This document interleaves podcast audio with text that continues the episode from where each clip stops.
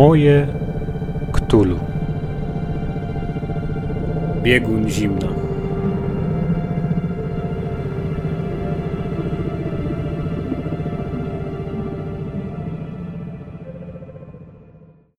Cześć, jestem Kacper i witam Was w podcaście Moje Ktulu.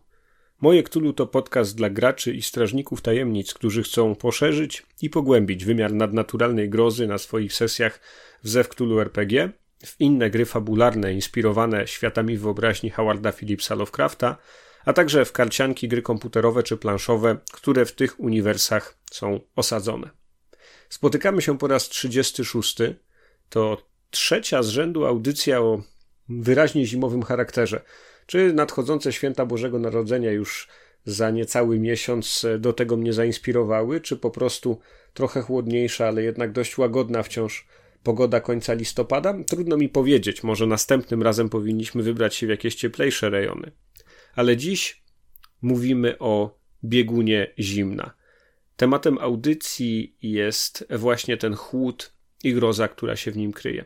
Dlatego przygotowałem dla Was m.in. recenzję przygody do Zewu Ktulu wydanej w ramach kampanii na Wspieram to z zimną krwią, fragment kultowego opowiadania Algernona Blackwooda Wendigo, który opowiada o styku mitów Ktulu i mitologii oraz teogonii e, Indian Ameryki Północnej. A także w ostatnich dniach wybrałem się w pewien chłodny poranek do Brwinowa, gdzie miałem przyjemność przeprowadzić wywiad z Michałem Bańką, znanym powszechnie jako Baniak z kanału Baniak Baniaka na YouTubie, bardzo znanym promotorem RPG, którego nagrania z sesji ostatnio również w Zew Cthulhu i to w kilku równolegle prowadzonych kampaniach są ogromnie popularne i przez wielu bardzo lubiane. W tej audycji oczywiście także tradycyjna porcja newsów. Nie przedłużając, wybieramy się na biegun zimna. Zaczynamy.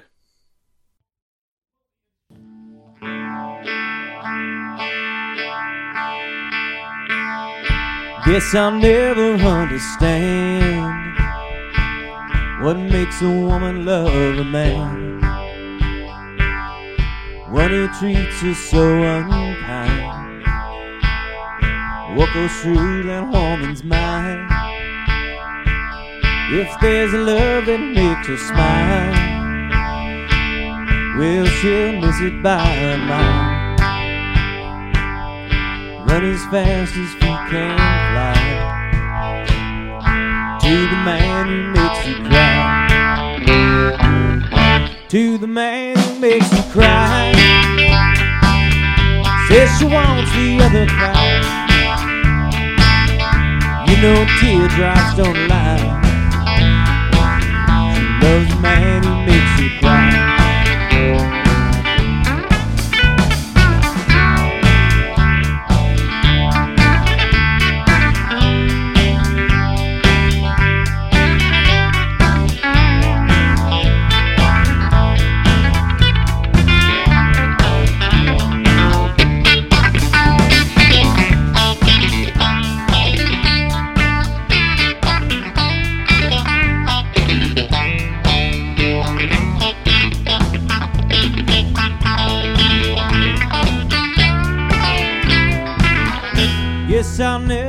Understand what makes a woman love a man. One who acts like he's not there and pretends that he don't care. And Lord, it's such a mystery. Baby, why you still love me? I can see it in your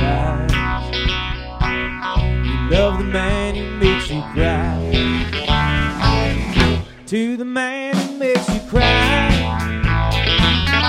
Says she won't see other kind. You know teardrops don't lie.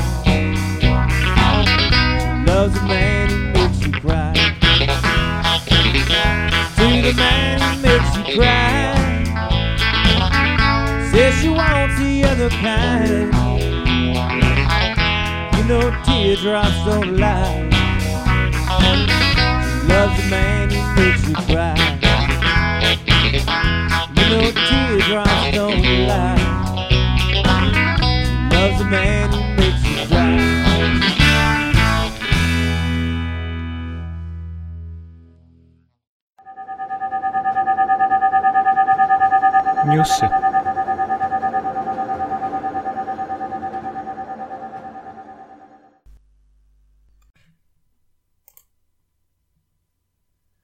Dzisiejszą porcję newsów zaczynam od mglistej jeszcze zapowiedzi, ale potencjalnie bardzo ciekawego LARPa, który na tyle mnie zaciekawił, zainteresował, że myślę nawet o uczestnictwie w nim.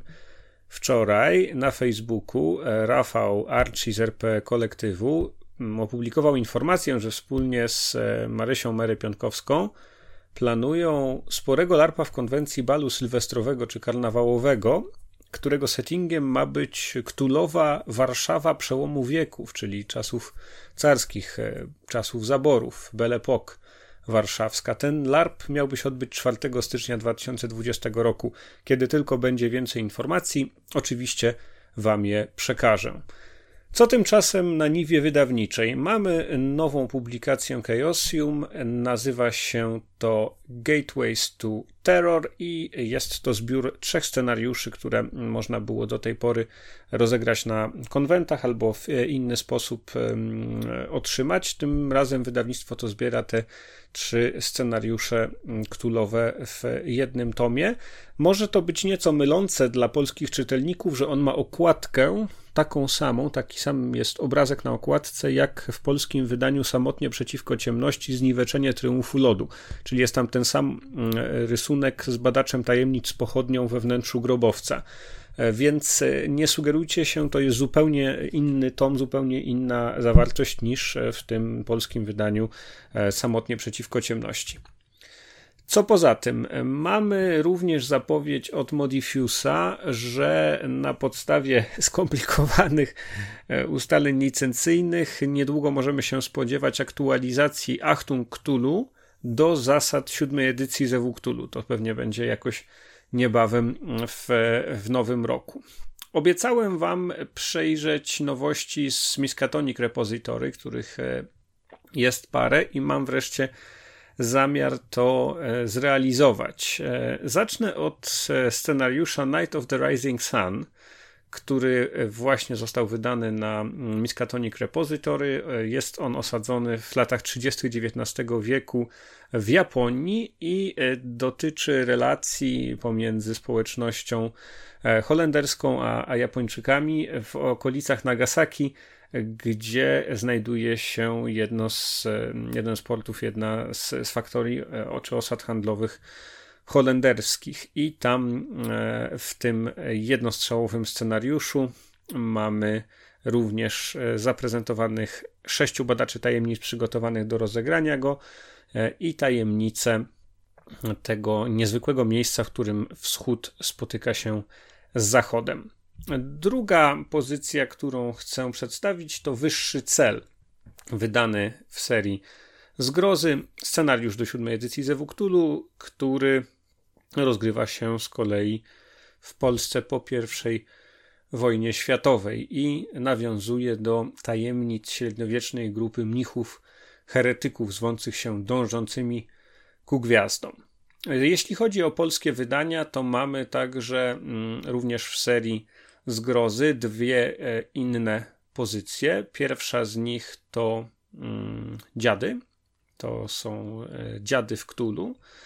I jest to dodatek zawierający interpretację w kluczu mitów Ktulu świąt zadusznych E, opis Mickiewiczowskich dziadów, czyli, czyli e, zawartości dramatu jako rytuału, e, trochę informacji o samym Mickiewiczu z inspiracjami dla przygód i dla badaczy tajemnic oraz propozycje bohaterów niezależnych, których można włączyć we własną nawiedzoną historię. Jeśli Was to zaciekawi, to przypominam, że jeden z pierwszych odcinków mojego podcastu, odcinek piąty, Poezja czynu, właśnie temu jest poświęcony możliwościom wykorzystania dziadów jako rytuału i ich e, mistycznego czy okultystycznego znaczenia. Gościem tamtego spotkania był profesor Krzysztof Rutkowski. Dalej e, e, mamy kolejne Mickiewiczowskie pozycje w zgrozach. Adam Mackiewicz.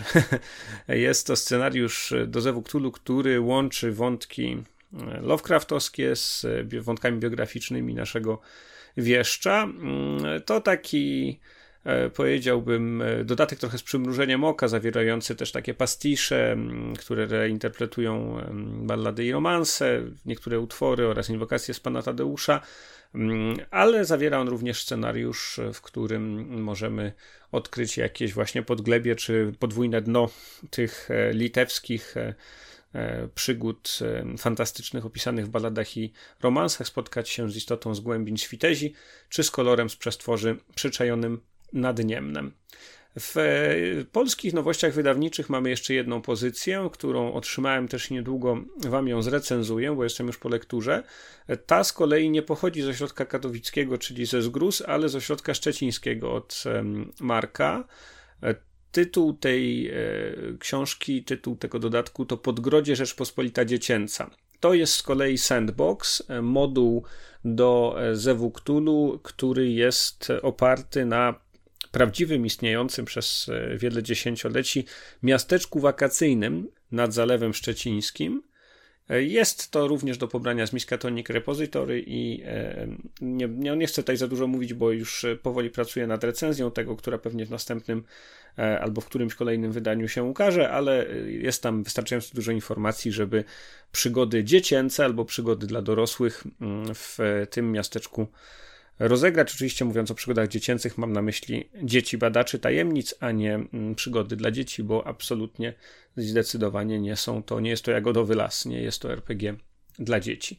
Co poza tym, jeśli chodzi o Miskatonic Repository, Shade of Yog-Sothoth e, to jest dodatek opisujący pewnego nowego mm, awatara Yog-Sothotha, mm, który zawiera e, czar dotyczący przyzwania tej istoty oraz e, jej opis i trzy zahaczki scenariuszowe, które mogą e, pomóc w zaczerpnięciu inspiracji z opowiadania Roberta Blocha mm, Black Bargain, które to może być właśnie inspiracją do waszych przygód wykorzystujących tę nową istotę Shade of Yoxototh, czyli cień Yoxotota. Mamy też jeszcze Lost City, e, jeszcze jeden dodatek, e, scenariusz do lat 20. dla grupy od 1 do 6 e, graczy rozgrywających się w, rozgrywający się w środowisku mm, artystycznej bohemy i, i dziwaków nowojorskiego Greenwich Village. Ale to nie wszystko. Mam jeszcze dwie nowości w Miskatonic Repository, o których chcę zameldować.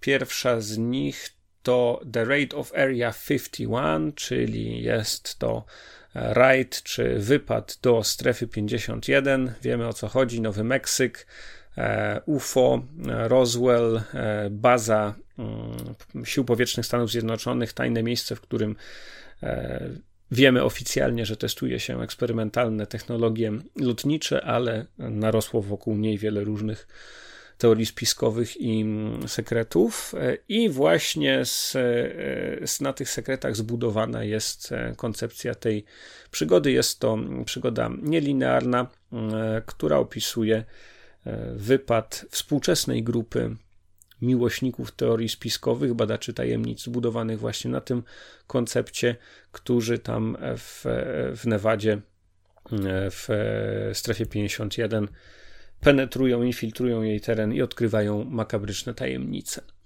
I ostatni mm, dodatek z Miskatonic Repository, o którym chciałem wspomnieć, A Color in a Dark Age. Jest to e, z kolei mm, scenariusz do mm, Zewuktulu w realiach niemieckiego średniowiecza. Badacze tajemnic muszą przetrwać i spróbować zapanować nad chaosem, który wywołuje pojawienie się pomiędzy dwiema walczącymi ze sobą wojowniczymi frakcjami przybysza z dalekiego kosmosu, koloru, z przestworzy.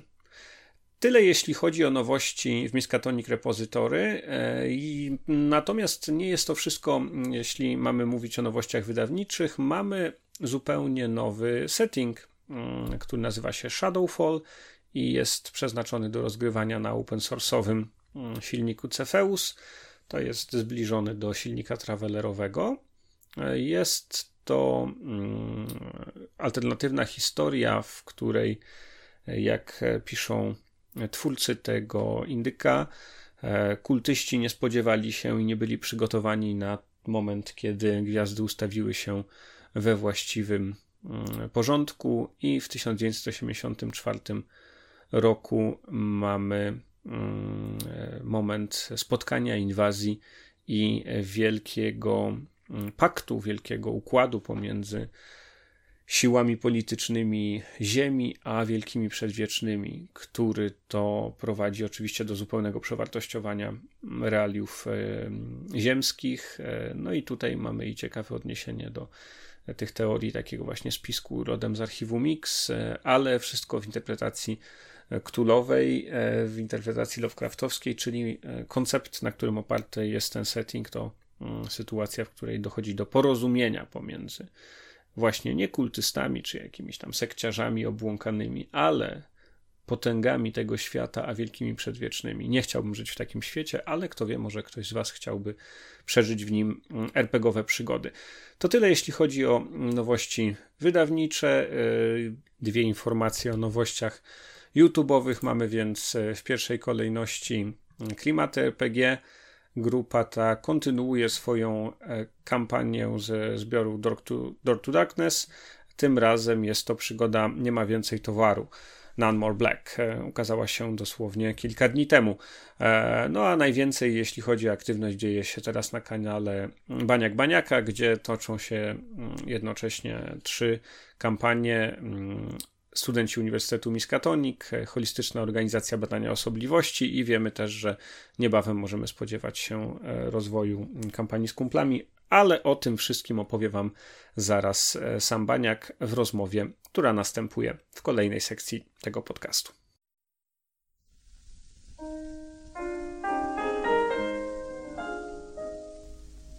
Ktulu w Polsce.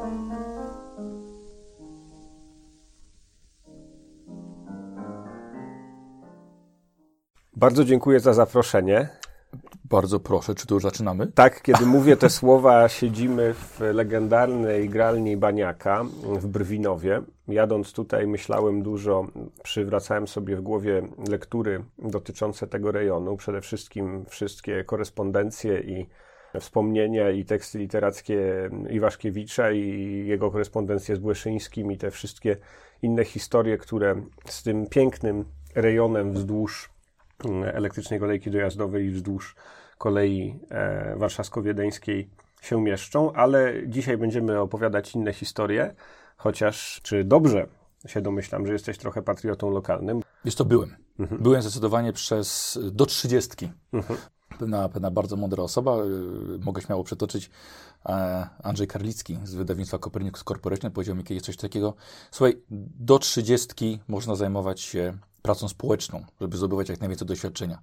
Ale po 30, jeszcze byłem przed 30, ale po 30 zacznij już myśleć o zarabianiu pieniędzy i robieniu rodziny. Mhm. No tak, i to chyba jedno i drugie w miarę się udaje.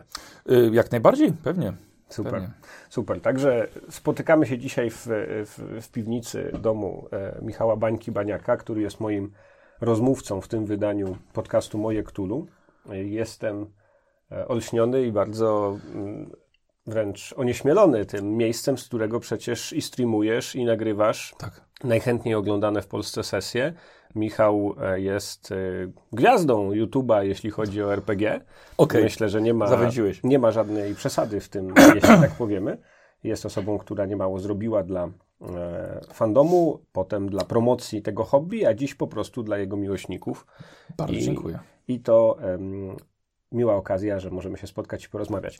Kasper, zobacz, bo ty widzisz więcej niż ludzie widzą na, na, na co dzień, wiesz, na sesjach. Bo ty widzisz te rzeczy, które są poukrywane za kamerami. Widzę, tu, gdzie, tu gdzieś kulisy, pudła, ale... tak. Tu gdzieś pudła, wiesz, jakieś papiery do pakowania. Jestem tylko rozczarowany, że nie ma tutaj jakichś szkieletów czy innych. E, Jak to? Jest proszę, czaszka, jedna, proszę, druga. Tam, O, proszę, tak. czaszek akurat jest całkiem sporo, tak, ale piszczele trzymamy w ogrodzie. Ale zakopane, czy... Tak, tak, oczywiście. Dobrze, żeby nie- ich e, mróz nie zniszczył. Chciałem porozmawiać z Tobą na kilka tematów i zacząć od bardzo ciekawego projektu, niedawno przez Ciebie zrealizowanego, czyli Cthulhu 2320. Unikalna, pierwsza w skali świata inicjatywa przeprowadzenia sesji RPG na żywo w sali widowiskowej jako widowiska, z muzyką na żywo, w wykonaniu orkiestry, z chórem, Tak. z całą oprawą sceniczną, taką jak oświetlenie. Przyznam, że gdyby to był pomysł gdzieś zapożyczony ze Stanów, z, nie wiem, ze Skandynawii, no to w zasadzie można byłoby powiedzieć, czy można zrobić to lepiej. Ale ty zrobiłeś to jako pierwszy. Skąd w ogóle inspiracja, żeby taką formę sceniczną, widowiskową, estradową nadać e, sesji RPG? Że ja od dawna wierzyłem i dalej wierzę w RPG, jako że jest to forma rozrywki nie tylko dla osób, które siedzą przy stole i, i grają i bawią się w piwnicy, czy na stryku, czy gdziekolwiek. I uznałem, że przyszła pora na to, żeby pokazać, może ciężko powiedzieć światu, nie? Bo zobaczymy, że materiał montujemy dopiero, ale żeby pokazać przynajmniej w Polsce, że jest to coś, co mogłoby konkurować z, z przedstawieniami teatralnymi, ze stand-upami, ze wszystkim, co się dzieje na scenie. Czyli pokazać też sesję RPG, ale z takimi elementami, których na co dzień my nie mamy możliwości wprowadzić do, do swojej gralni, gdziekolwiek, gdzie gramy. Czyli właśnie na przykład chór, światła, efekty specjalne, dymy i zaangażować w to kilkadziesiąt osób, żeby tylko ta czwórka i mistrz gry mogli się pobawić. Czyli geneza tego projektu jest taka, że chciałeś stworzyć niesamowite doświadczenie dla graczy, a nie dla widowni. Nie, nie, nie, nie, nie, nie. Dla graczy to ja, wiesz, to ja tworzyłem przez kilkanaście lat u siebie tylko w piwnicy. Potem zacząłem tworzyć sesje dla widowni, osób, które oglądają nas na, y, na ekranach, na swoich monitorach. I teraz dopiero przeszło, żeby to zrobić na żywo. Chociaż sesje na, na żywo na scenie już miałem, bo grałem na Pyrkonie parę razy, więc nieco doświadczenia miałem. Było to z muzyką puszczoną z, wiesz, z komputera, jakieś sample, ale no, czegoś takiego jeszcze nie robiłem. Nie Powiedz robił. ze strony produkcyjnej. Jesteś w swojej typowej, w roli, z której jesteś najlepiej znany, w roli mistrza gry na scenie, a dookoła ciebie symultanicznie dzieje się mnóstwo rzeczy, nad którymi nie masz tak naprawdę pełnej kontroli, bo nie reżyserujesz, nie jesteś też inspicjentem tego wydarzenia. Tak. Musisz zaufać swoim partnerom. Tak. Do tego jesteś na mm, scenie Matecznik Mazowszy, to chyba z 500-600 miejsc na widowni? Yy, już ci mówię, 540. Właśnie. Więc masz jeszcze mm, sporą grupę widzów na żywo, mm, może największą, z jaką się spotkałeś, może nie, Tak. ale Na sesji tak. e, puszczasz lejce tego widowiska, w tym sensie, że zajmujesz się tym, czym zajmuje się mistrz gry, a rzeczy dzieją się dookoła same. Jakie to uczucie? Czy Okropne. nie towarzyszyła ci trema, stres? Okropne. Okropne, bo jako mistrz gry, jak siedzę przy stole, mam kontrolę całkowitą nad wszystkim. Nad totalnie wszystkim. No bo oprócz tego, co powiedzą gracze, ale jestem w stanie przewidzieć, co się stanie i nie ma raczej możliwości, żeby coś się sknociło. Ale na scenie, jeżeli oddaję całkowicie kwestię muzyki em, dyrygentowi, e, kierownikowi muzycznemu, orkiestrze i chórowi, światło oddaję w ręce oświetleniowca, em, całe nagranie dźwiękowe idzie do akustyka, plus jeszcze lecą animacje, no mnóstwo tego jest i ja nad tym wszystkim nie mam kontroli. Było to dla mnie jako, jako mistrza gry e, dość trudne, nowe wyzwanie. Oczywiście nie obeszło się bez drobniejszych wpadek, bo, no bo to wszyscy, wszyscy robiliśmy to po raz pierwszy, ale, tak, ale i tak udało się to wszystko dopiąć bardzo ładnie. Jak długo trwały przygotowania? Dwa miesiące. Zrobiliśmy to bardzo szybko. Rzeczywiście. Bardzo szybko. Łącznie z e, okresem promocji, sprzedaży biletów. To było wydarzenie było 12 października e, tego roku, 2019, ale zaczęliśmy rozmowy w sierpniu, więc wrzesień, październik, równe dwa miesiące. Rzeczywiście błyskawicznie i udało ci się też zyskać zaufanie gospodarzy tego mm, Tak, obiektu i tak. zakończyło się to sukcesem. Nie było jeszcze, nie widzieliśmy mm, e, nagrań e, udostępnionych e, publicznie. Kiedy... Wczoraj, wczoraj obejrzałem połowę, e, ze swoją menedżerką obejrz- obejrzeliśmy połowę, połowę montażu, jesteśmy bardzo zadowoleni. Drobne jakieś tam uwagi, trzeba to poprawić i jeszcze dzisiaj będę oglądał drugą połowę. Więc liczę, że przed świętami to się pojawi. Super, czyli przed Bożym Narodzeniem możemy spodziewać się, że nagranie z tego wydarzenia będzie. Wiesz, ja nigdy nie obiecuję kon- konkretnej daty, póki nie jestem pewien, bo naprawdę różne rzeczy wypadają. Ale robimy wszystko, co można, żeby to było jak najszybciej. Zrobiłbyś to drugi raz? Słuchaj, y, ja jestem pewien, że to zrobię drugi raz, tylko nie jestem pewien, czy zrobię to w tym swoim sezonie działalności, bo było to tak świetne wydarzenie, że y, nie można poprzestać na tym. Chociaż z drugiej strony bardzo bym chciał, ponieważ chciałbym, żeby inni e, przejęli tą pałeczkę i zaczęli właśnie robić, nawet, nawet na mniejszą skalę, wiesz, nawet żeby jakąś małą salę wynająć na 100 osób i poprowadzić sesję przed y, mniejszą publicznością, swoją lokalną, ale żeby od czegoś zacząć. Możliwe, i takie też otrzymywałem głosy, baniak za wysoko dałeś poprzeczkę. Ludzie to, ludzie to odstraszy i nie będą chcieli robić, bo nie dadzą rady na początek przeskoczyć tego. Rzeczywiście tak może być, ale chciałem pokazać, jak to może wyglądać i spróbujmy do tego dążyć wszyscy. Chciałem jeszcze zapytać o dobór uniwersum, w którym postanowiłeś przeprowadzić, em, rozegrać tę sesję. To futurystyczny świat Lovecraftowski. Tak. E, Czy to było elementem Twojej współpracy z Black Monkami, czy to była oryginalna inspiracja? Dlaczego wybrałeś taki dosyć no, hermetyczny i nie tak dostępny jak światy fantazy, czy jakieś, nie wiem, space opera, takie typowe gatunki, szeroko ludziom znane, których nie trzeba też długo tłumaczyć. Wybrałeś nadnaturalną grozę jako kanwę tej sesji w Mateczniku Mazowsze. Jak to było? Skąd wziął się pomysł? Jest to pierwotnie y, po kolei, bo tak pomysł rodzi pomysł. I zaczęło się od tego, że w, w, y, pojawił się RPG obcy, Alien, oficjalnie. Freeligan y, wypuściło, nawet teraz do mnie, do, do mnie doszło, że nie miałem czasu odpakować, ale wypuściło obcego i pomyślałem sobie, ale byłoby fajnie rozegrać sesję. Więc myślę, jakąś datę spróbujemy, tutaj z, z, z menadżerką próbowaliśmy znaleźć datę ciekawą. I znaleźliśmy 70. urodziny Sigourney Weaver. Idealna data, 8 października.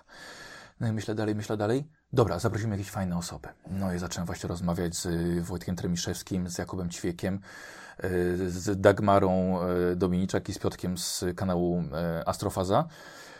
Ale pomyślałem potem, nie, zrobimy to na scenie. I wiesz, i pomysł za pomysłem, dobra, zrobimy to na scenie. Ale potem, potem tak rozmawiamy, tak z orkiestrą już zacząłem rozmawiać. Wtorek, 8 października, to jest kiepski dzień na to, żeby ściągnąć pół tysiąca osób z całej Polski, bo środa do pracy, kiepski termin. Dobra, i, a, i Matecznik mówił też, że wtorek, oni mają różne zajęcia, nie da rady na tyle czasu wynająć nam sali. Dobra, przenosimy to na sobotę. Już powiedziałem, orkiestra, co przenosimy imprezę na sobotę.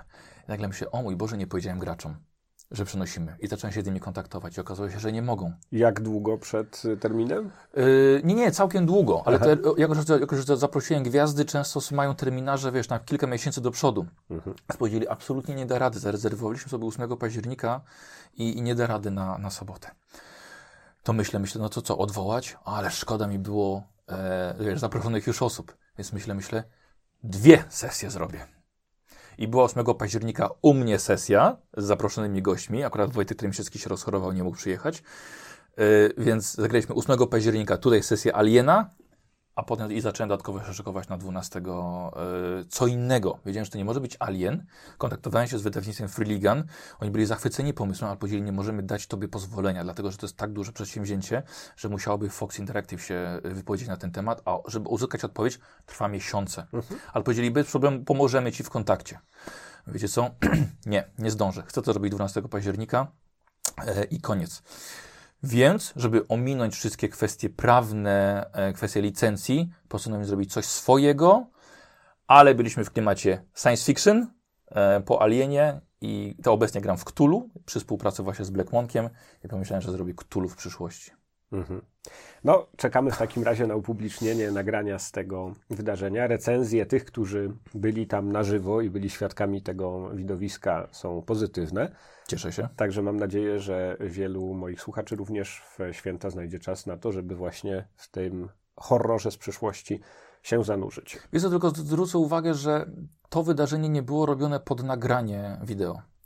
Jak oglądaliśmy sobie wczoraj Mhm. To materiał... było live, taki. To było, to było całkowicie na żywo, wiesz, y, zupełnie inne emocje będą towarzyszyły widzom, niż towarzyszyły ludziom na, na żywo. Usłyszenie tej muzyki, na te, na te kilkanaście instrumentów, ten chór, to wszystko poczuć na żywo, spotkać się z gwiazdami jeszcze. To było niezapomniane przeżycie, a nagranie jest tylko po prostu jakimś drobnym ułamkiem tego, co można zakosztować po tym wydarzeniu. Więc czekamy na następne e, widowiska sceniczne RPGowe. No i e, mam nadzieję, że już niedługo pojawią się jakieś ze z Twojej strony zapowiedzi, bo e, zdaje mi się, że bilety wyprzedały się dosyć szybko, więc Y, Zostało mi 70 biletów, wiesz, ale potem jeszcze na, na parę dni przed, ale potem jeszcze w kasie jeszcze ktoś dokupował, wiesz, więc nawet były ostatnie rzędy zajęte. no proszę. To e, przedstawienie, to widowisko Cthulhu 2320 wpisuje się w Twoje baniakowe uniwersum Cthulhu. E, Tak. Jest też e, kilka kampanii, które prowadzisz i streamujesz oraz publikujesz nagrania na YouTubie. Jest to związane z polskim wydaniem siódmej edycji Zewu Cthulhu. Powiedz proszę, czego ci, którzy Cię oglądają, a także ci, którzy, no wiadomo, jak jest e, mój kolega, który, który rozmawiał z Tobą kilka lat temu, powiedział mi, że wtedy powiedziałeś mu, nagrywanie sesji, ale kto ma czas to oglądać? E, myślę, że takich, którzy znają Cię, e, może nawet cenią, ale nie mają czasu oglądać tych sesji, też jest całkiem sporo. Mm, Powiedz coś, co zachęci ich do tego, żeby zanurzyć się w Twoim królowym uniwersum, bo na tyle, na ile rzuciłem okiem na te kampanie, na ile im się przyjrzałem, one są bardzo różne. Oczywiście to jest kwestia tego, jak różni są gracze, Oczywiście. ale również linie fabularne są zupełnie inne. Jest e, A Time to Harvest, czyli kampania Tak. sprzed dwóch lat, sprzed trzech lat Cult of Chaos, Chaosium. Dokładnie. Grasz ją chyba drugi raz, z tego co e, pamiętam, tak? Nie, nie, nie, nie dokończyłem za pierwszym, Właśnie, dlatego właśnie. chciałbym teraz ją skończyć. Prowadziłem ją wtedy e, również i patrzyłem, widziałem Twoje komentarze na forum Aha. Cult of Chaos, stąd, e, stąd A. domyślałem się, że to może być nie pierwsze Twoje spotkanie z e, tą kampanią, Aha. więc jest to, jest Klub Łowców Mitów Tak. i są też inne linie. Czym one się różnią, od której zacząć, jak to jest, z czego składa się Twoje Mhm. Cthulhuwe uniwersum? E, Wiesz co, potrzeba zacząć najpierw od pytania, dlatego żeby zachęcić, wiesz, Otóż osoby, to. które, które nie mają czasu. E, Nie za bardzo bym chciał to robić, wiesz, bo jeżeli nie mają czasu, to całkowicie to rozumiem. Mój kanał się zmieniał prze, przez, przez te wszystkie lata, od, od poradników po teraz sesję. Jest to wynikiem tego, jak widziałem, jak, czego oczekują widzowie. Jeżeli ja wi widzę, że poświęcam 20-30 godzin na zrobienie materiału, znaczy od poradnika i on ma oglądalność na poziomie 10-12 tysięcy, a wrzucam, se- i naprawdę się na, przy nim napracuję, a wrzucam sesję, którą kocham robić i wszyscy się dobrze bawimy i nagle wiesz, rzucamy na następny dzień jest 30 tysięcy, no to y, jest, jest zdecydowanie różnica. Dlatego na tym się teraz skupiam i wiem, że były głosy sprzeciwu baniak, czemu nie robisz tego, czy, czemu nie robisz tamtego. Ale, ale trzeba się rozwijać i to jest mój naturalny, naturalny rozwój. Nie tylko u mnie, ale wielu youtuberów też mówi, że odchodzi od rzeczy, które w którymś momencie od rzeczy, które robili na początku. Są tym znudzeni, zmęczeni, tak zaczynali, ale chcą robić coś nowego i tak jest u mnie, dlatego wiem, że wielu, wielu widzów na pewno straciłem, ale pojawiła się cała rzesza nowych, zafascynowanych historiami, które razem, razem rozgrywamy. I w tym momencie prowadzę BCU, czyli Bania Cthulhu Universe. Jest to niewymyślone przeze mnie od razu, tylko przez, przez widzów. E, robię co, to po, po BWU, czyli Warhammer Universe było wcześniej, e, które zgromadziło ogromną liczbę fanów i zakończyło się wydaniem książki. I teraz robimy w tym momencie pięć kampanii, chociaż one są oczywiście, jedne są bardziej aktywne, dru, drugie mniej. E, jak sobie popatrzysz tam, bo ta mapa będzie e, pokazana w niedzielę na najnowszym streamie, nie była jeszcze pokazana. E, mapę zrobił jeden z moich fanów i na niej są zaznaczane i będą zaznaczane przez następne, do końca tego wszystkiego, gdzie były przygody po, po, poszczególnych, poszczególnych grup. No i oczywiście głównie mamy Stany Zjednoczone, ale to się będzie rozwijało i mamy to, co ja prowadzę co tydzień albo co dwa tygodnie, są to HOBO, e, czyli Holistyczna Organizacja Badaczy Osobliwości, ale oczywiście nazwa nieprzypadkowa, ponieważ zaczęli jako bezdomni, wędrowni pracownicy amerykańscy. I teraz dopiero gramy, że zawiązali organizację, zajmują się badaniem, badaniem mitów. Mamy oczywiście Klub Łowców Mitów, o którym wspomniałeś, z grupą Impro, Ablard Giza, Wojciech Tremiszewski, Leszek Ludwicki, Jakub Śliwiński. I, I tak, a tam była, tam, tam jedna grupa, o której zaraz powiem. I mm, z gramy raz na miesiąc. Są to przynajmniej jak na razie mam wrażenie brutalniejsze sesje e, ze względu na to, co, na co decydują się gracze, żeby bohaterowie robili. Coraz bardziej popadają w obłęd i czynią rzeczy bardzo agresywne, dużo przemocy jest i sami siebie, czy chłopaki tak to odgrywają, ale badacze, którzy sami siebie nie poznają i oni już wiedzą, że nie są tymi osobami, które zaczęły rok wcześniej e, przygody z mitami. A Hobą jak na razie chyba nie doszło do żadnej walki. Więc to jest, to, to jest coś, coś zupełnie innego. I mamy jeszcze, e, mamy jeszcze grupę jarokowców, z którymi jak na razie były, były trzy sesje, ale gramy niedługo na Wośpie kolejną. I dopiero zaczynamy. Ciężko jest tam charakter jeszcze określić. Mm, Mamy jeszcze grupę y, moich patronów, z którymi gram, czyli tak zwany SUM, czyli właśnie Time for Harvest, Time to Harvest. Nawet, na, nawet twórca się myli z tą Tak, to nazwą, prawda. Więc, tak. I tam właśnie gram z patronami, grają studentów.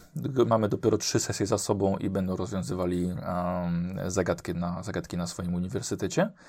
I co? I kumple. Czyli Marcin Stankiewicz z, z kolegami.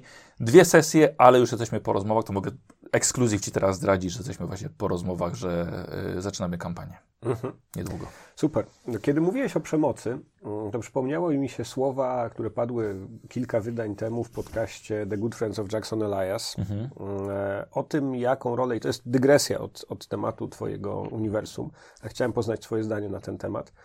Oczywiście puszczenie mm, wodzy i obserwowanie transformacji tych badaczy jest znakiem pewnego rodzaju mistrzostwa, jeśli chodzi o roleplaying, wtedy, kiedy postać już e, zaczyna żyć własnym życiem Mm. a gracz jest w stanie czerpać przyjemność z obserwowania ewolucji czy transformacji. Ale tam padły takie ciekawe słowa, że przemoc i zwłaszcza ta przemoc e, w warunkach niepoczytalności Zewie Cthulhu, to jest jeden z nielicznych momentów, w których gracze mają poczucie sprawczości. E, Nie mówię tutaj oczywiście o Railroadzie i o w ogóle sterowaniu graczami, mm, chociaż w kontekście e, Twoich e, sesji, Twoich nagrań często pojawiają się takie wątki, kiedy ludzie zarzucają, czy ci, czy pytają, czy Ty nie za bardzo to reżyserujesz, nie za bardzo tym sterujesz. Jeśli chcesz się do tego ustosunkować, Mhm. to, to też chętnie usłyszę.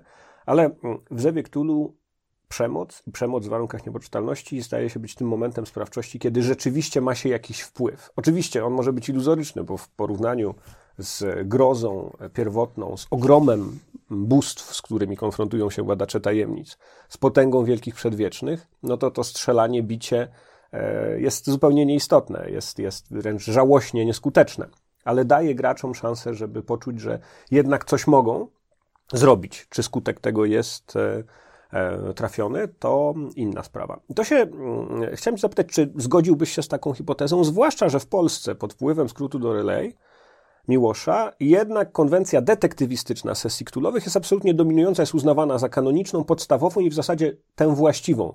To jest, to jest norma. Polska norma e, przygody w Zewie Cthulhu to jest przygoda detektywistyczna. Przemoc jest uznawana za ten taki powiedziałbym moment słabości, chyba że tak jak mówisz, to jest chwila, w której gracz puszcza wodze swojego badacza tajemnic i, i to, e, te jego przygody rozwijają się w pewnym sensie poza mną, poza moją kontrolą. Ciekawy moment psychologicznie.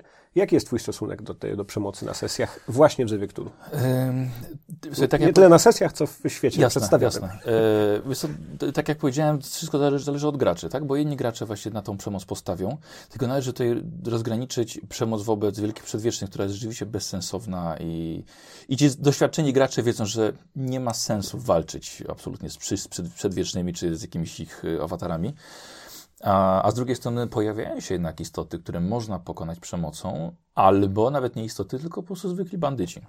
Bo często jest to, jest to śledztwo dotyczące jakiegoś morderstwa czy zaginięcia, no i pojawia się ten gangster z, z karabinem, którego no, prawdopodobnie no, nie da się dogadać, tylko trzeba po prostu ro- rozstrzelać albo jakoś, jakoś wykiwać. I zależy wszystko, wszystko od, od, y, od badaczy. Czy jest to, jest to element słabości? Może niektórym czasem nie chce się po prostu myśleć nad i jak rozwiązać inaczej, nie chce się skradać, bo czasem tak jest, czy robimy to na skradanie się tę misję, czy jednak idziemy... idziemy Skradanka czy strzelanka. Dokładnie. Więc y, niektórzy tracą cierpliwość i po prostu lecą z giwerą i strzelają. Zdarzyło mi się to parę razy, kiedy rozgrywałem Blackwater Creek. E, Mhm. Wtedy, kiedy znasz na pewno tę przygodę. Nie, nie znam, nie To znam. przygoda to bez z, spoilerów. z zasobnika m, Strażnika Tajemnic. Aha, jeszcze nie zapoznałem. E, jedna z najfajniejszych moim zdaniem i świetna do tego, żeby wprowadzać nowych graczy w, Aha. e, w, w światy ktulowe, czy w ogóle w RPG. Mhm. Mm, Może być rozegrana na kilka sposobów z drużyną złoczyńców albo z drużyną archeologów czy studentów. E, Jest pod tym względem bardzo różnorodna, ale tam jest taki moment, w którym zaczynają dziać się dziwne rzeczy i może pojawić się pokusa, żeby, zwłaszcza jeśli gra się gangsterami, żeby przejść do broni.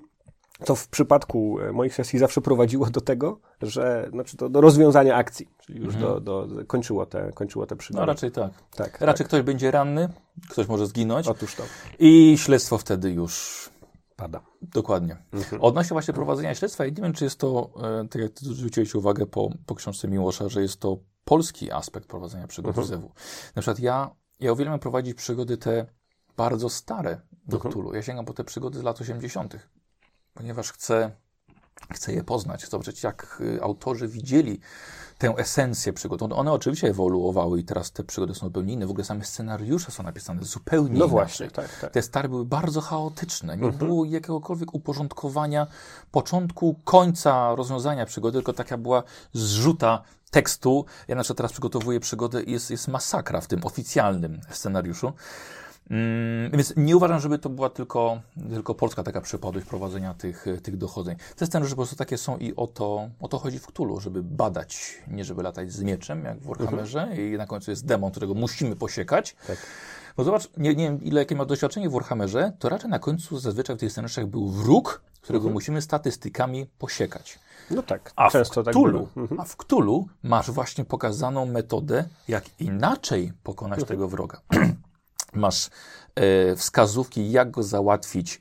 Kurde, nie, nie chcę rzucać spoilerami, ale powiedzmy, że są wskazówki dla badaczy, że jest jakiś. E, na przykład potwór jest wrażliwy na elektryczność albo na drewno, na jakiś, na jakiś element, jakiś żywioł. E, lub są wskazówki, jak przeprowadzić rytuał, żeby odesłał tego potwora. I można, uważam, przejść spokojnie wiele, większość przygód bez wystrzelenia, bez broni palnej.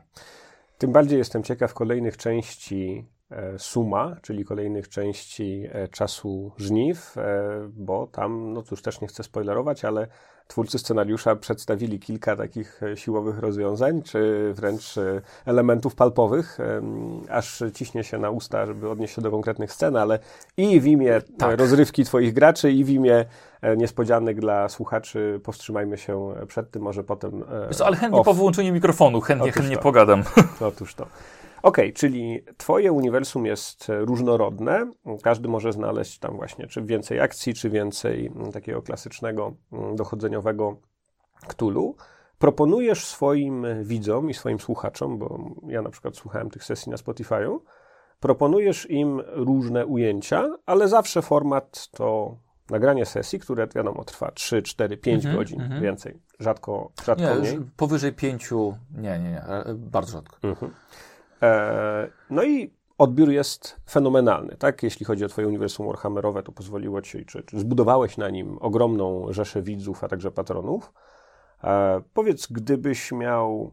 Nie sądzę, żebyś miał czas śledzić inne kanały Actual Play e, polskie. Jest ich kilka, no i oczywiście ich oglądalność nie jest bardzo wysoka. E, te przygody też są różnorodne, to są grupy z różnych stron Polski, co jest akurat fajne, bo widać, że ludzie grają w Cthulhu i w małych miastach, i w dużych miastach.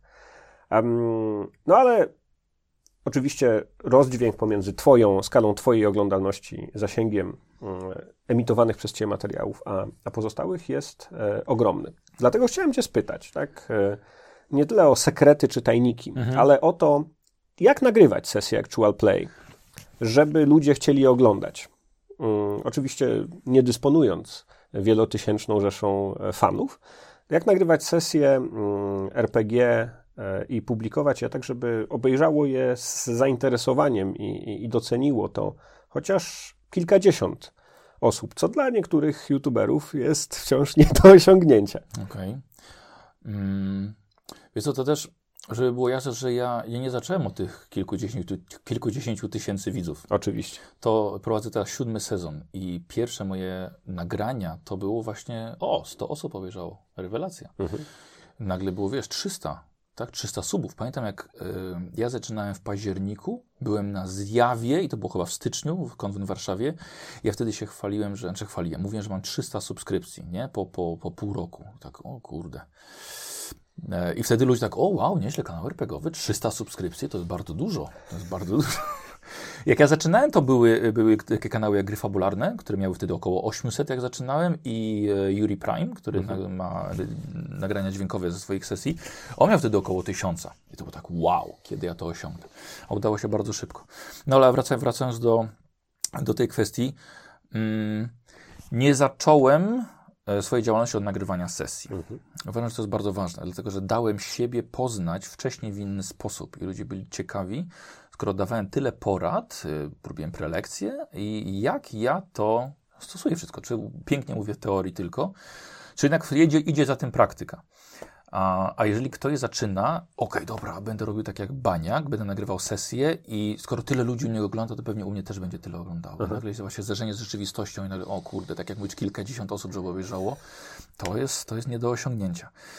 I rozumiem, że pytasz o jakieś porady, Tak. tak? Dla tych, którzy takich- nagrywają i chcą publikować swoje sesje i chcieliby po prostu, nie w, z pobudek komercyjnych czy, czy z Mhm. próżności, ale chcieli po prostu, żeby więcej ludzi je oglądało, bo czują, że chcieliby się czymś podzielić, mają coś do powiedzenia. Oczywiście może się okazać, że nie mają nic do powiedzenia. Natomiast zakładając, będąc hojnym wobec nich, zakładając, że mają coś do pokazania, jeśli chodzi o swoje prowadzenie, jeśli chodzi o swoją grupę, o historie, które opowiadają, A to, mogą zrobić? a to też ciekawe, co mówisz, bo spotkałem się też z osobami, które zaczęły nagrywać różne rzeczy i nagle tak, bania, kurde, wiesz nagrałem kilka i trzeba mieć co mówić.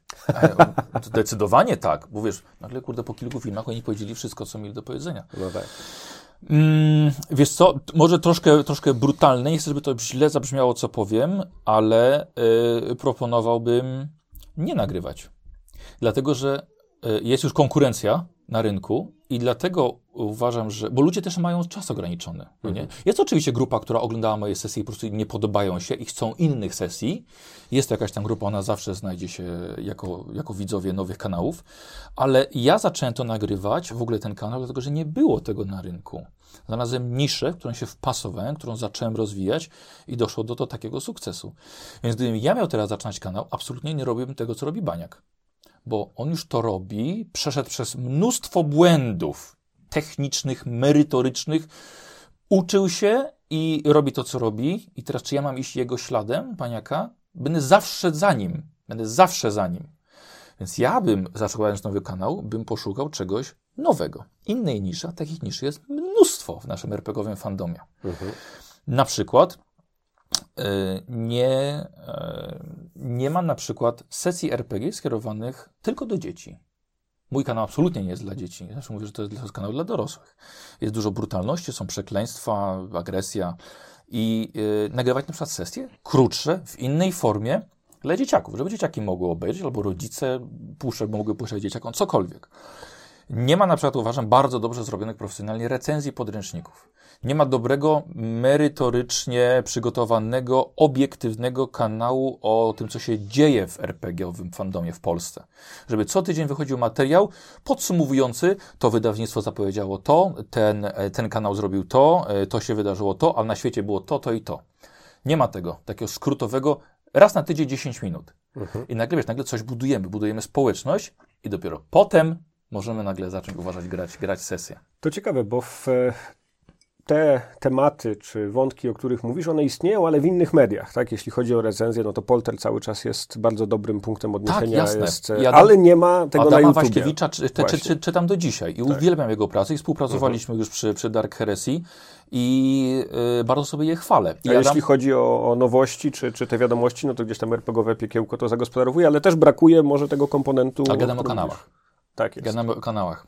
Um, I, i, i, i tego, tego brakuje. Tak? Jest, jest to nisza, są to przestrzenie, w których można się rozwijać. Ale wiem, że ludzie po prostu chcą że rob, robić to, co ja, ale ja też na nikim nie, nie wzorowałem. W Polsce. W Polsce, tak? Jakieś były kanały, na których ja się wzorowałem, ale o, o innej tematyce. Chciałem po prostu zobaczyć, skoro tak robią, to ja mogę robić podobnie, tylko na temat, na temat RPGów.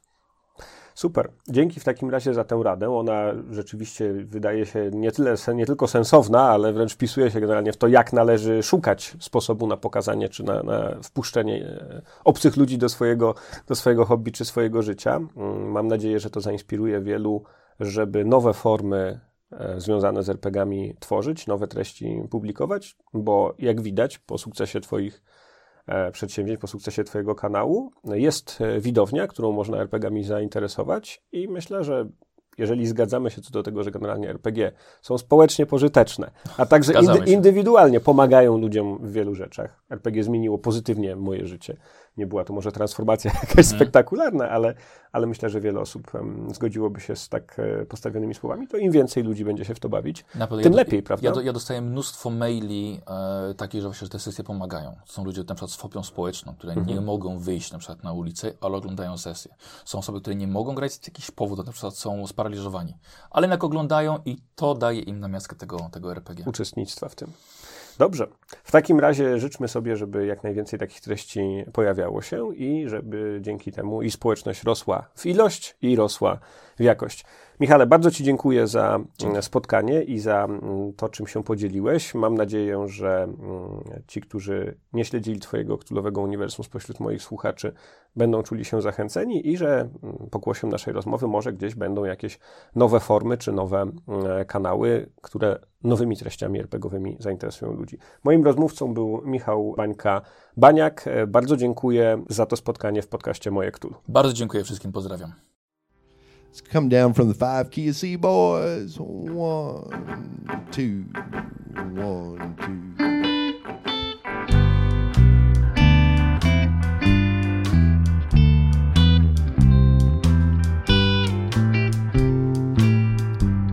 Well, look around you, look down the bar from you.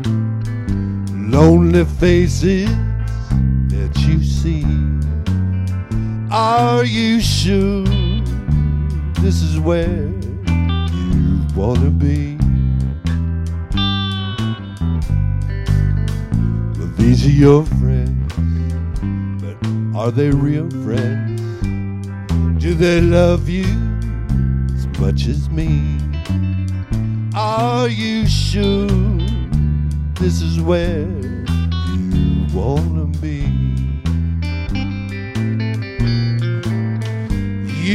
Seem in such a hurry to live this kind of life. You've caused so much pain, such misery. Well, look around you, take a good look just between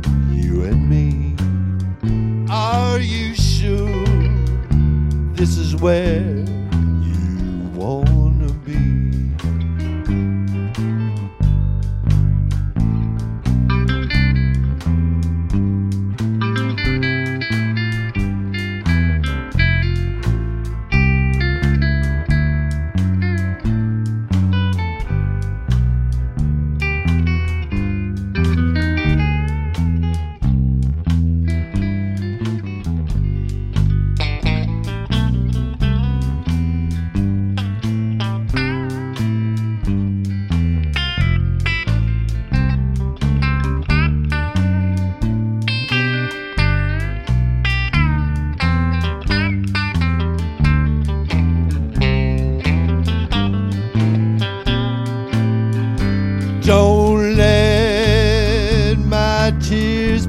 you. I hoped I wouldn't cry. But lately, teardrops seem a part of me. So look around you, take a good look at the old time used to be. Are you sure this is where you wanna be? Are you sure this is where you wanna be?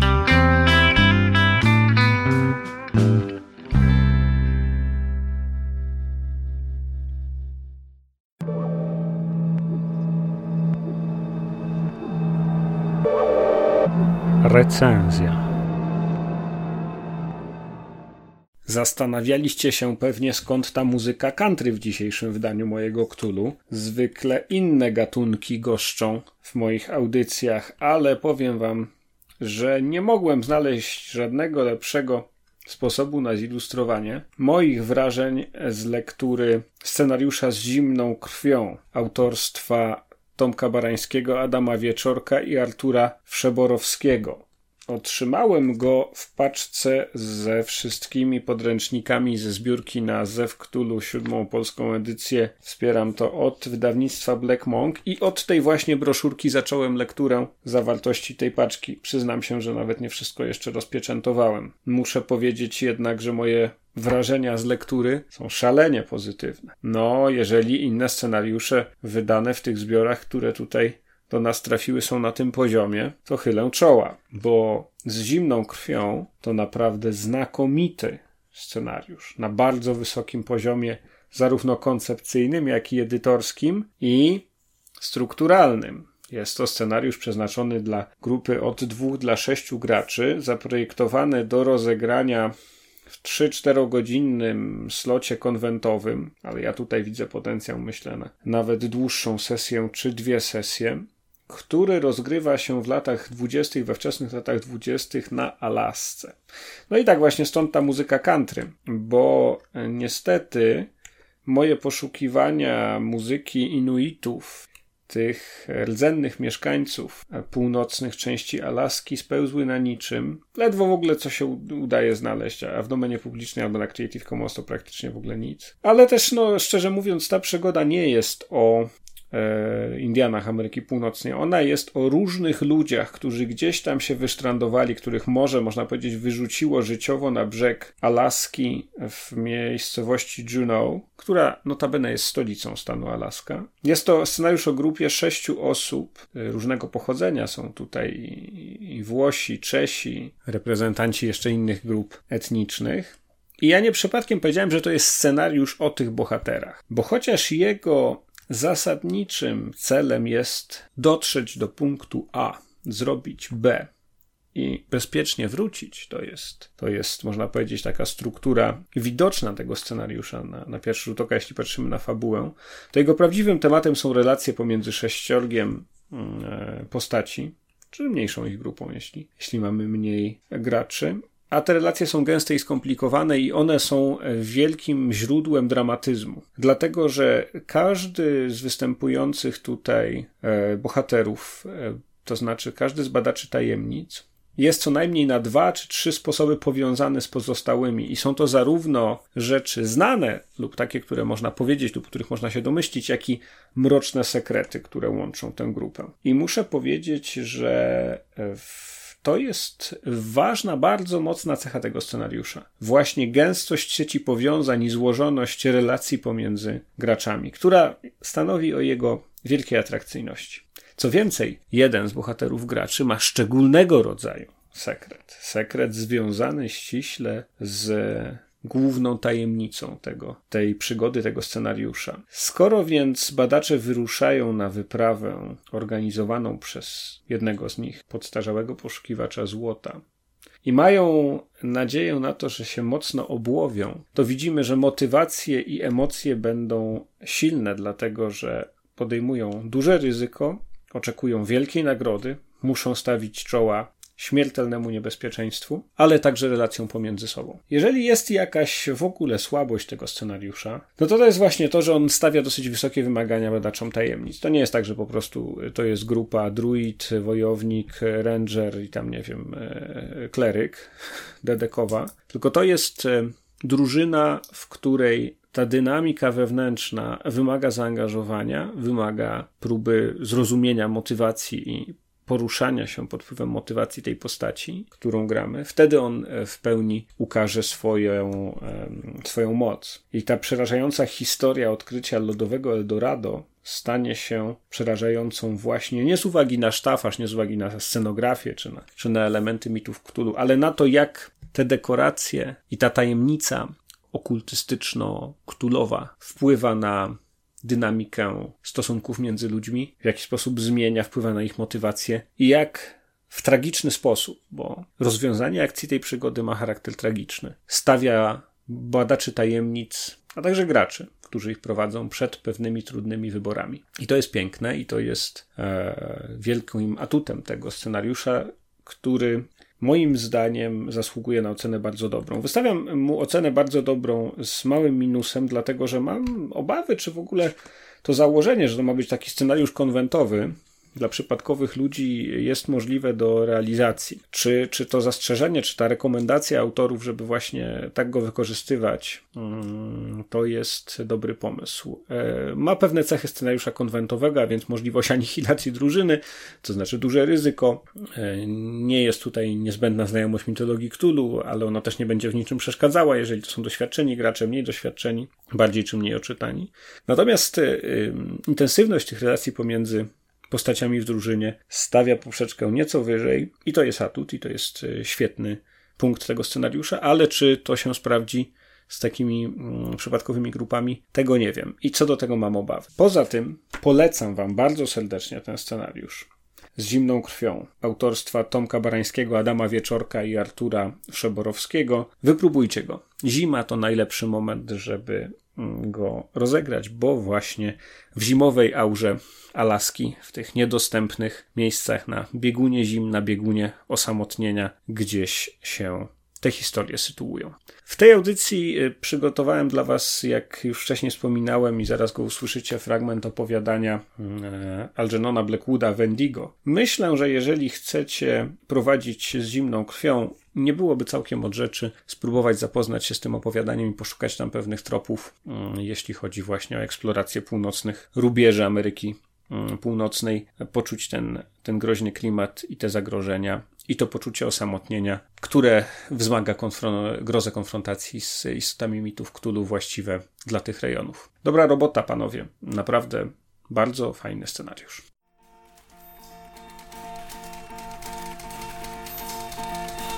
Biblioteka.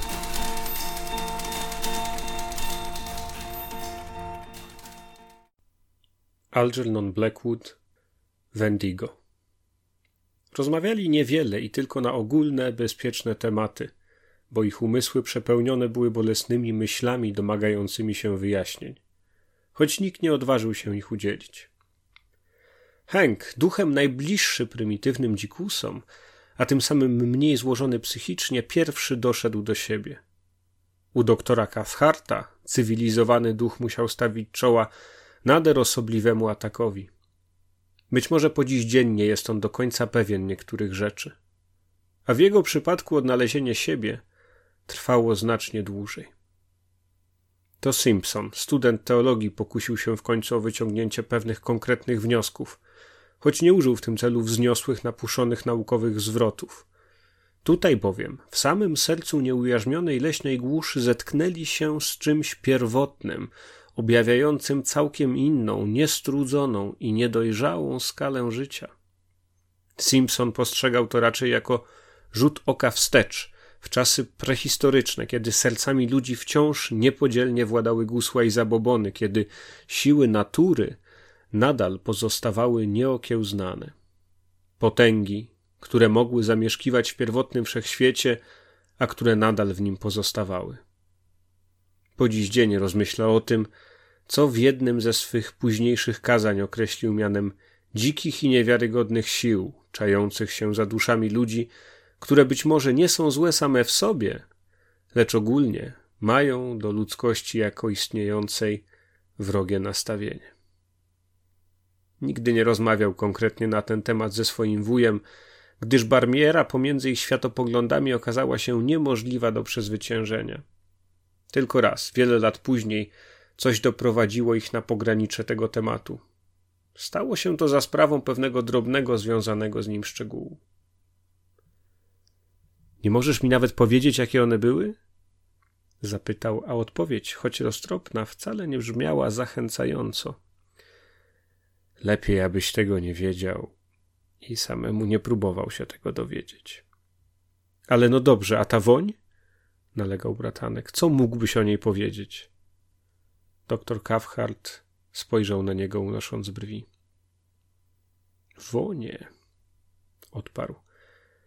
Nie są tak proste jak dźwięki i obrazy otrzymywane na drodze przekazu telepatycznego. Moje zdanie jest w tej kwestii równie dobre jak twoje. Wiem o tym tyle, co ty. Może nawet mniej. Nie był w tym przypadku wcale skory do udzielania wyczerpujących wyjaśnień. I tyle. Pod koniec dnia zziębnięci, wyczerpani, wygłodniali członkowie wyprawy dotarli wreszcie do głównego obozowiska, które na pierwszy rzut oka wydawało się opuszczone. Ognisko się nie paliło. Pank także nie wyszedł im na spotkanie. Cała trójka była zbyt wyczerpana psychicznie, aby okazać zdziwienie lub złość, kiedy z ust Henka dobył się głośny okrzyk i przewodnik pobiegł co sił w stronę ogniska. Wołanie to miało zapewne z założenia stanowić ostrzeżenie i zapewnienie, że ich niezwykła przygoda jeszcze się nie skończyła.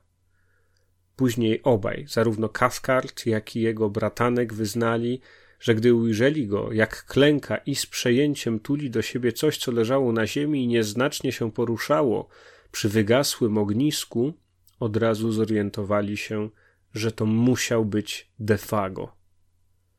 Czuli w kościach, że Defago powrócił. I faktycznie tak było. Sprawa rychło się wyjaśniła. Wycieńczony do cna, skrajnie wyczerpany Kanuk, a raczej to, co z niego zostało, grzebał wśród popiołów, usiłując rozniecić ogień. Skulił się przy wygasłym ognisku. Jego palce, zakrzywione w szpony, niepewnie powtarzały zapamiętane od lat czynności, posługując się suchymi patykami i zapałkami. Brakowało jednak umysłu, który mógłby ową prostą skądinąd czynność nadzorować. Umysł uleciał bezpowrotnie, a wraz z nim pamięć nie tylko o niedawnych wydarzeniach, lecz o całym jego dotychczasowym życiu.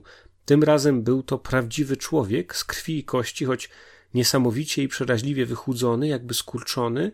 Jego twarz odarta była z wszelkich emocji, nie rozpoznawał nikogo ani niczego, nie okazywał też lęku. Nie wiedział, kto go tulił, kto go karmił, kto szeptał doń pocieszające słowa, które miały mu przynieść ulgę. Ten strzęp człowieka wykonywał automatycznie wszelkie polecenia. Był posłuszny jak małe dziecko. Coś, co stanowiło jego esencję, jego jaźń, przestało istnieć. W pewnym momencie było to o wiele bardziej poruszające i przerażające niż wszystko, co mieli okazję ujrzeć do tej pory. Ten kretyński uśmieszek na jego wargach, gdy wyjmował z ust kępki mchu, po czym nieodmiennie zwracał każdy inny wmuszony weń najprostszy nawet posiłek, ale najgorsze były żałosne słowa skargi, gdy niemal dziecięcym, wysokim głosikiem poinformował swoich towarzyszy, że bolą go stopy, płoną żywym ogniem. Co było zrozumiałe, gdyż doktor Cathcart, zbadawszy je, stwierdził, że były potwornie odmrożone. Pod oczami widniały słabe oznaki niedawnego krwawienia. Szczegóły dotyczące tego, w jaki sposób przeżył w leśnej głuszy, na siarczystym mrozie i jak udało mu się przebyć sporą skądinąd odległość z jednego obozowiska do drugiego, bo przecież nie miał czółna, zatem musiał obejść całe jezioro na piechotę, pozostaje do dziś nierozwikłaną zagadką. Defago całkowicie stracił pamięć.